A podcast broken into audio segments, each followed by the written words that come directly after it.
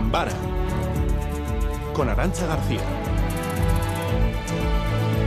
A Racha León estamos pendientes de la desaparición de dos montañeros vascos en Patagonia. Fueron sorprendidos por una avalancha cuando descendían del pico Fitzroy en la frontera entre Argentina y Chile. Gary Suárez, a Racha León. A León. Sabemos que los desaparecidos son un montañero de Durango y otra montañera de Gasteiz, que los dos son experimentados. Tú estás en Durango. Eh, ¿Qué se sabe ahí, Gary? Bueno, pues eh, lo que hemos podido saber es que de Durango es eh, Iker Bilbao, uno de los dos desaparecidos, aunque ahora reside en Aveniño. Como tú decías, habitual montañero y además conocido por los círculos de montañismo.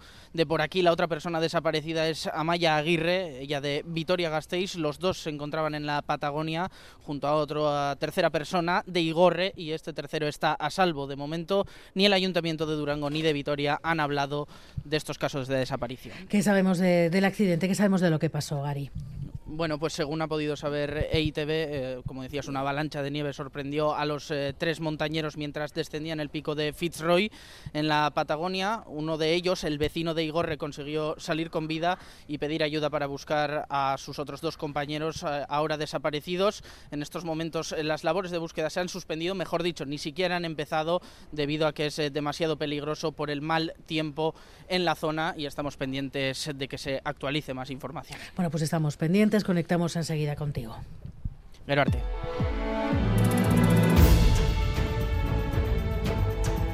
Otra de las noticias de la tarde, el juez ha ordenado prisión sin fianza para el futbolista Dani Alves por agredir sexualmente a una mujer en una discoteca de Barcelona, John Fernández. Efectivamente, los hechos se remontan a la noche del 30 de diciembre. Según medios catalanes, la víctima asegura que Dani Alves la violó en un pequeño lavabo del recinto VIP de la discoteca Sutton de Barcelona, al tiempo que la obligó a realizar una felación y la abofeteó mientras la insultaba. Aquella noche fue trasladada en ambulancia al Hospital Clínic de Barcelona, donde fue sometida un examen médico. Dos días después presentó denuncia. Alves niega los hechos, reconoce que estuvo en la discoteca, pero subraya que no conoce a la joven que lo ha denunciado. En cualquier caso, la jueza ha decretado prisión provisional sin fianza. El alcalde de Gasteiz ha pedido oficialmente al ministro Escriba que paralice el macrocentro de refugiados que proyecta para la ciudad Gorka Hurtaran. También el portavoz del PNV en el Congreso piden al gobierno español otro proyecto este consensuado con las instituciones vascas.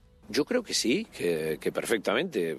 si estamos en una senda de diálogo y desde luego la voluntad de las instituciones vascas y también del Partido Nacionalista Vasco es de hablar y de, y de acordar, bueno, aquí más que la eh, convocatoria de una posible adjudicación no se ha hecho nada más. Por lo tanto, bueno, esto es perfectamente eh, reconducible, ¿no?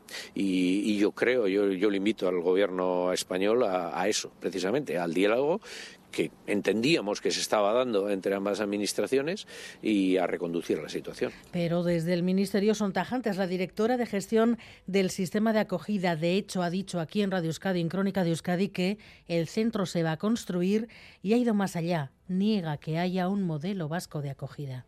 Hasta donde yo estoy no existe un modelo vasco la competencia para la acogida de personas solicitantes de protección internacional es una competencia estatal. Lo que hay es un modelo estatal que lleva trabajando en Euskadi desde los años 90. Eh, no sé, cuando hablan de modelo vasco, no sé a qué se refiere.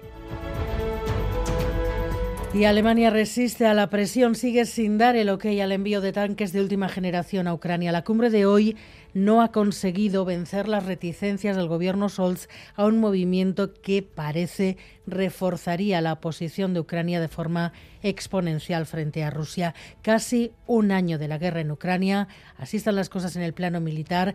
Casi un año lleva también el periodista Pablo González encarcelado en Polonia. El ministro de Exteriores ha dicho hoy en Raku que sus derechos fundamentales están siendo respetados. Verifico que sus derechos fundamentales están siendo respetados y le puedo garantizar que están siendo respetados. Tiene asistencia consular, tenemos acceso a él. Como le digo, antes de ayer hemos estado reunidos con él. Conoce sus cargos y también le tengo que decir que los cargos son muy, muy graves. El lunes era a un militante de UPN y hoy es el candidato del Partido Popular a la alcaldía de Pamplona, Carlos García Danero, que anuncia seguirá como diputado en el Congreso.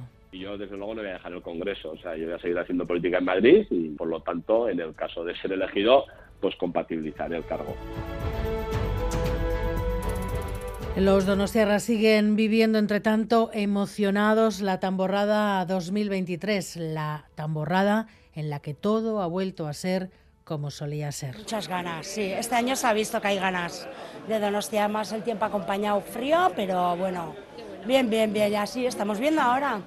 Están venga que desfilar por todos los sitios y a disfrutar el día de hoy. Cuando se vive desde dentro, pues es una gran juega y la más participativa. Las, 20, las miles y miles de personas, primero que, que hoy participan, pero la cantidad de gente de todas las edades y de todas las condiciones que se suman a la fiesta y salen con su tambor a, a la noche de ayer o a la noche de hoy durante todo el día. Durante todo el día. La fiesta a las 12 será la riada de la bandera, pero seguro que la fiesta continúa en la capital guipuzcoana. Los deportes, acercaré a. A León, el TAD ha denegado la suspensión cautelar de la sanción a Yeray Álvarez por su roja en el derby del pasado sábado, por lo que el central Baracaldés no podrá jugar el domingo ante el Real Madrid. Este mediodía se han sorteado los cuartos de final de Copa. Osasuna jugará en el Sadar ante el Sevilla, el Atlético en Mestalla frente al Valencia, mientras que a la Real le ha tocado el más difícil todavía, el Barça, y en el Camp Nou. Además, el Real Madrid se medirá al Atlético. El Athletic, por su parte, ha ampliado el contrato de Asier Villalibre hasta junio de 2025. Osasuna ha traspasado al Huesca al guardameta Juan Pérez y en pelota esta noche en Urduliz entra en Liza y Ribarría en lugar de Hitor Elordi. El Darama, junto a Zabaleta, se enfrentará a Ezcurde y Martija que se la juegan.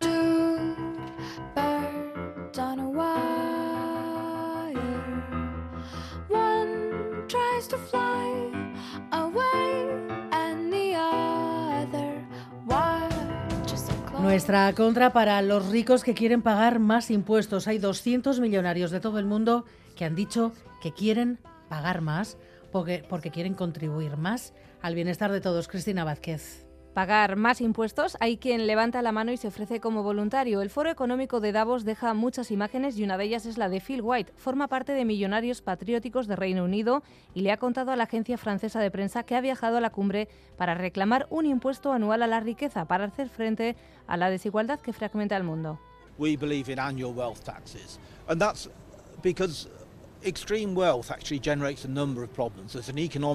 la ONG Oxfam también ha aprovechado el foro para poner sobre la mesa un dato con un impuesto a la riqueza de hasta el 5% a multi y mil millonarios podrían recaudarse cada año un billón y medio de euros. Con B, Fran Cortada de Oxfam. Lo que no es normal es que un supermillonario pague un 1% de impuestos, mientras que cualquiera de nosotros paga un 20, un 30, un 40% de lo que ganamos trabajando. Ese aumento de tasas permitiría sacar a 2.000 millones de personas de la pobreza.